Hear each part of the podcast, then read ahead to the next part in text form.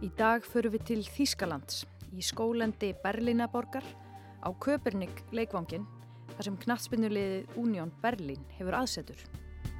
Þú þarft ekki að vera atvinnumæður í fótbolta eða sérfræðingur í íþróttinni til að hrífast á þessari sögu. Þú þarft ekki einu svona að hafa áhuga á fótbolta. Við ætlum að heyra sögu af frekar glötuðu liði sem ekki alls fyrir löngu strögglaði í fjóruðudeild Þýskaboltans en tekur nú þátt í topparóttu í búndeslíkunni og er komið alla leið í meistaradeildinu. Og skemmtilegasti hluti sögunar er eiginlega af öllu því sem gallharðir stuðningsmenn Union Berlin hafa gert til að koma liði sínu alla þessa leið.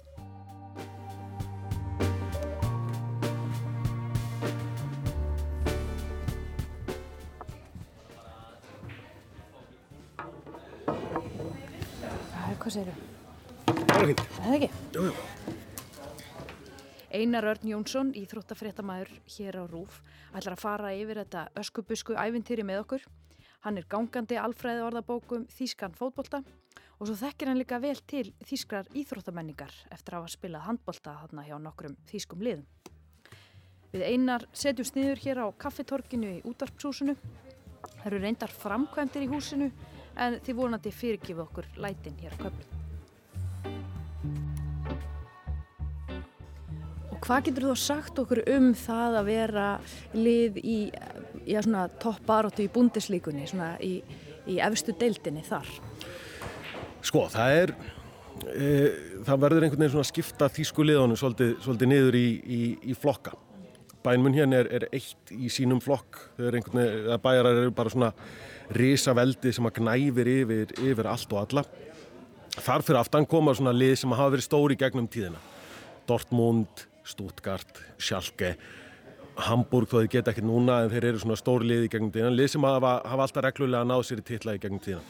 Svo eru svona, eru, mér langar ekki að segja minni háttar eða minni máttarlið en það eru svona lið sem að, sem að kannski bara þjóðverjar eða svona almenningur elskar að, að séu til, eru svolítið sjálfsbrottin úr einhverjum, einhverjum rótum oft, úr einhverjum verkamannakverfum eða, eða hafnarkverfum í þessum stærstu borgum og hafa aldrei geta nýtt og það, það er líkilatrið, þau meiga aldrei hafa í rauninni geta nýtt heldur að þau verða að hafa búið til svona sitt identity í kringum rætuna sem þau koma úr og hafa haldið í það í gegnum, gegnum áratvíðina St. Páli í Hamburg hefur alltaf verið svona aðal dæmið um þetta, þeirra rætur eru við höfnina í, í Hamburg og, og Reeperbahn þá, þá frægu götu og, og St. Páli gerir svolítið í því að vera svona, vera svona svolítið rebel klúpur, merkið þeirra er sjóraningahauðskúpa og allt, allt svona í kringum klúpinu þannig, en þeirra aldrei geta neitt. En þjóðverðar elskaða svona lið séu til. Svo er Union Berlin annað dæmi um, um svona lið. Spratt upp í, spratt upp úr, úr bara verkamanna, verksmiðju, starfsmanna, umhverfi í bara svona collar eða saltjarðar hluta af, af Berlin. Og í það hafa þeir alltaf haldið og, og einhvern veginn í gegnum tíðina, saman hvað gekk á í stjórnmálum í Þýskalandi, þriðja ríkið, skiptingin austur og vestur, þeir lendu austanmegin undir, undir þá kommunista stjórninni, þá hafa þeir samt alltaf, Unión alltaf verið svona liðið sem að stendur svolítið á, á móti. Í Berlín á þeim tíma var Dynamo Berlin sem var lið Stasi, leinið þjónustunar ógnvanlegu, en Unión var alltaf bara lið verkamannina og, og stóð svolítið á móti svona þessu, þessu bákni sem að ríkið rosa mikið var í, í Östuðískaldi stóð á móti í liðunum sem að kæftu fyrir hönd Hersins, sem kæftu fyrir hönd Lauruglunar sem kæftu fyrir hönd Stasi. Þá stóð Unión alltaf, alltaf þar á móti og gátt aldrei neitt. Unnu aldrei neitt rétt svona skriðu fengu að vera með í eftir deild unnu eitt byggartitill í, í gamla Östuðískalandi en gáttu aldrei neitt Lifelong fan Dirk Zingler has been president since 2004. Board members, coaches, media officers, ball kids, you name it. Many of them have a strong connection to Köpenick. They come from this region, they're rooted here, they have a relationship to the club which goes beyond... Árið 2004 var ekki eitt heldur allt erfitt hjá Union Berlin. Liðið barðist í bökkum í fjóruðudeild, það var ekki til neitt peningur til að styrkja liðið og umgjörðina og þegar allt virtist vita vonlaust fengu áhangandur liðsins frumlega hugmynd. Þeir hófu átækið blæðum fyrir Union en í Berlín fær fólk borgað fyrir að gefa blóð. Hundruði stuðnismanna Union Berlin letu því dæla á sér blóði og færðu klubnum peningin fyrir. Þannig tókst það bjarga rekstrinu fyrir hort og halda lífi í klubnum. From the brink of bankruptcy to European football, everyone loves an underdog. En nú skrifa fjölmiðlar um Union Berlin. Underdog days are over. Það er ómögulegt að þýða þetta á góða íslensku en þið skiljið þetta. Littla liðið er komið á kortið og það er ástæðulegst að vannmeta það.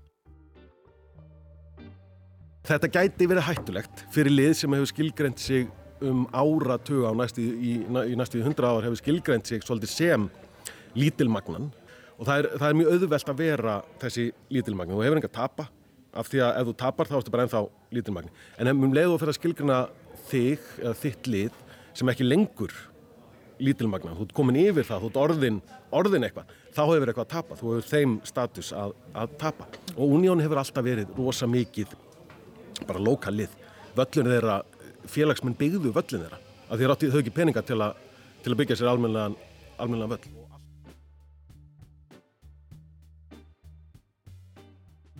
Það var árið 2008. Unión Berlín klifraði úr þriðjudeildinni og upp í aðra og þá vart skindilega Köpernik leikvangurinn út í skógi, ekki lengur löglegur heimavöllur. Klúpurinn háði lífróður og var við það að missa leifi til að spila í deildinni. Stuðningsmenn lögðu þá ráðinn Um 2300 sjálfbúðaliðar tóku sér því saman, mættu á leikvangin og hjálpuðu stað við að steipa nýjar stúkur, reysa girðingar og þakk yfir völlin. Hann tekur nú 22.000 manns í sæti en er samt langminnsti leikvangurinn sem keftir á í búndislíkunni. En frábröðin í leikvangum annara liða í búndislíku eða meistaradeildinni þá er Köpernik alfarið í eigu stuðningsmannana. Bara megin reglan í í þýskum fókbalta er að félag verða að vera í meir hluta eigu félagsfólks. Það eru gerðar undantekningar og undantekningarnar eru semst fyrir það sem að þjóður verða að kalla uh, verkself sem eru í, í rauninni bara félagin verða til í kringum starfsmenn einhver ákveðna vesmiða. Bæi Leverkusen var til sem starfsmenn bæjar Livja vesmiðinar, Wolfsburg er hefðbundið lið starfsmanna fólksvöginn. Þannig að þau lið fá að vera í eigu, eigu fyrirtækja. En annars gildir 50 pluss 1 reglan sem að þýðir að 50% pluss 1 hlutabref af öllum brefum í, í félaginu verða að vera í eigu, eigu félagsmanna. Og það er mjög, þetta er mjög djúft í þýskum fótbolta. Það hefur verið reynd að nekja þessu nokkuru sinnum og það verður bara allt vittlust þegar það á að reyna að breyta þessu. Þjóður að vilja að fótballtafélagin sín og íþróttaheimurinn í Þísklandi sé í höndum fólksins frekar en fyrirtækja eða, eða guð forðu okkur einhverja erlendra ólíkarka. Það eru því engar ígjur að blóð, sviti og tár stuðnismanna Unión Berlin hafi farið í klúpin. Og það er mjög, mjög ríkt í þeim og þess vegna held ég líka að þjóðverjar svolítið dástað og, og elska félög eins og Unión Berlin og, og St. Páli og, og fleiri, fleiri slíklið. En 2019 þá komast þér alveg svona upp úr annari deildinni og upp í svona almennilega baráttu. Má ekki alveg gefa þeim það? Jú, að það má algjörlega gefa þeim það. Og sama hvað maður segir um hvar ræturnar og sálinn hjá félaginu liggur þá er þetta augljóslega mjög vel rekin klubur. Berlín er vissulega stærsta borg Ískalands og það er ekkert allt og mörg fótbolltaliðar og, og þá ætti að vera svona nóg af, af kannski peningum og fólki að, að sækja en Unión er greinlega mjög vel rekið félag og þeir hafa byggt þetta upp hægt og rólega. Þeir voru í fjörðudeld fyrir 15 árum, svo tókuðu bara góðan tíma í þriðudeldinni, svo tókuðu góðan tíma í, í annari deldinni og einhvern veginn þeir eru ekkert að, að, að prjóna yfir sig eða, eða drífa sig um, um mikið. Núna eru þau komnir í eftir deld og búinir að vera núna, þetta er 5. tímabilið núna, þeir voru með í, í Európa-kætninni fyrir aðeins í meistradeldinni núna, þannig að þetta er svona tröppugangur en maður verður einlega að segja um liðins og unjána að er á meðan er af því að það er rosa erfitt að keppa við, við hefðin og söguna sem að mörg önnur lið hafa og þó að, að stórlið, einhver meint stórliðin að gæsalappa síðan þess að högta núna þá munir þau alltaf koma tilbaka. Á tímum austu Þískalands var náttúrulega Dínamo Berlín var, var bara raðmeistari. Þeir fengu bestu leikmennu með góðið ítlu af því að Stasi var batterið á, á bakvið, bakvið Dínamo. Þannig að Unión var, var litla liði klárlega á tímum Östuðískaland Eftir sammenninguna verður Hertha Berlín stóra liðið í samennari Berlín og nær mjög fínum árangri, spila eins og segir á olimpíuleikvanginum sem er 90.000 manna mannverki. Unión alltaf, alltaf einhvern veginn litli, litli frændin, ekki einu svona litli bróðin, en svona litli frændin sem fekk að hanga með stundum þegar viðræði vel. Núna er Unión hins vegar búið að slá hertu hressilega við og, og er, herta hefur ennþá rosalegt bólmagn og, og svona massa á bakvið sig og mun alveg örgulega rýsa aftur. En Unión, Unión hefur alltaf verið litla lið með þess að bara í, í sínu hverfi og maður mað samgleðst rosalega þegar svona lið ná upp í, upp í toppin en maður, maður tekur eftir því og samgleðst með því af því að það er svo sjálfgeft að svona lið nái að, að afreika eitthvað svona. Hvað getur þú sagt okkur um þessar helstu stjórnur sem að spila með Unión? Sko náttúrulega, Unión hefur ekki eins og kannski komið skýrt fram, hefur ekkert úr miklum peningum að spila. Einhverjum peningum þó, sjónvarspenningar og þeir eru alveg með, með hérna, stóra, stóra styrtaraðela líka á, á bakvið sig sem að hjálpa þeim við, við reksturinn og hjálpa þeim að fá leikmenni. Þeir hafa ekki efni á dýrum stjórnum sem þeir geta keift. Þannig að þeir hafa verið svolítið klókir að týna upp leikmenn sem eru svona, þú veist, hafa verið hjá stóruliðanum en þykja kannski ekki alveg nógu góðir lengur til að vera áfram hjá stóruliðanum. Þá býður Unión og er alveg klárir að taka á. Núna til dæmis stærsta nafni sem kom til þeirra í sumar er, uh, já, sá sem var á þeim tíma fyrirlið ítalska landslýsins, Leonardo Bonucci. Hann er búin að vera í Juventus, alveg endalust, Juventus var með einhver derring og, og vildi losna við hann og hann fór frá Juventus til Unión Berlin. Þannig að þeir eru með núna 140 landsleikja ítalska landslýsmann í sínum röðum og, og fleiri, Nevin Subotic sem lengi var hjá, hjá Dortmund, hann er endur ekki á Unión lengur, en hann einhvern veginn, hann hreifst af þessu svona það er svona pínu mótþrói í liðinu og þeir sem á annar borður kannski aðeins hallur undir smá mótþróa hrífa svolítið af því af, af svona liði og að fara og spila fyrir þá. Ég held að það sé mjög gaman að spila það. Ég held að það sé rosaleg, rosaleg gleði einhvern veginn sem að umleikur klúpin í, í öllu, öllu sem þeir gera. En stjórnurnar eru ekki þarna. En leikmenn sem eru alveg til að, til að berjast og hafa gaman að því í leðinni og skemmta sér og áhórundum og skemmta sér með áhórundum, þeir smeltpassa inn í svona lið. Þannig að þeir eru bara að riksu að varamennabökkjum svona stóru liðana kannski?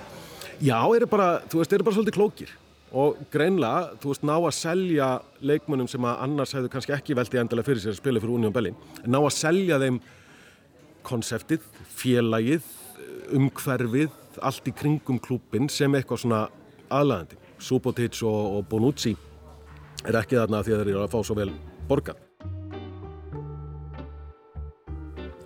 Hvernig spáru liðinu í þessum deildum sem það er að spila? Búndislíkunni og meistradeildinni og erupdeildinni? Já, nú er þetta náttúrulega meistradeildin í, í fyrsta skipti tegur svolítið, aðteglina og áhugan hjá, hjá liðinu og vonandi er, er samt liðið og, og félagin og stert til, til að koma ekki endilega niður á, á forminu í, í búndislíkunni.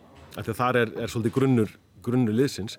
Í pínur hættur um að gera samt. Það er, þetta er rosa sjarmerandi kallegur að drekka af að vera í, í meistradeildinni og það er hægt við því að það takir svolítið fókusinn frá, frá deildinni. En vonandi halda þið bara áfram á sinni, sinni braut. Ég, ég er mikill stuðningsmæður svona pínu, pínu pöngara liða, mótþróa þróa liða. Þau muna bara að þau eru það sem þau eru, halda í sálina, halda í fasta sem þau hafa og gerðu þau að því sem þau eru í dag, komið þeim þangað sem þau eru í dag þá mun svona lið alltaf, alltaf halda áfram. En ef þið tapar sér í því og halda þessi orðni hluti af, af stórbokka pakkanum í, í sínu landi að þá eru voðum vís. Þetta er svona svolítið klísjan sem maður heyri stundum uh, lið sem eru kannski ekkit engin stórlið segja við erum kannski ekki best, uh, við erum kannski ekki með bestu einstaklingsgæðin en við erum með stærsta hjarta. Klárlega, þetta er bara akkurat svoleiðislið sem að smelt passa við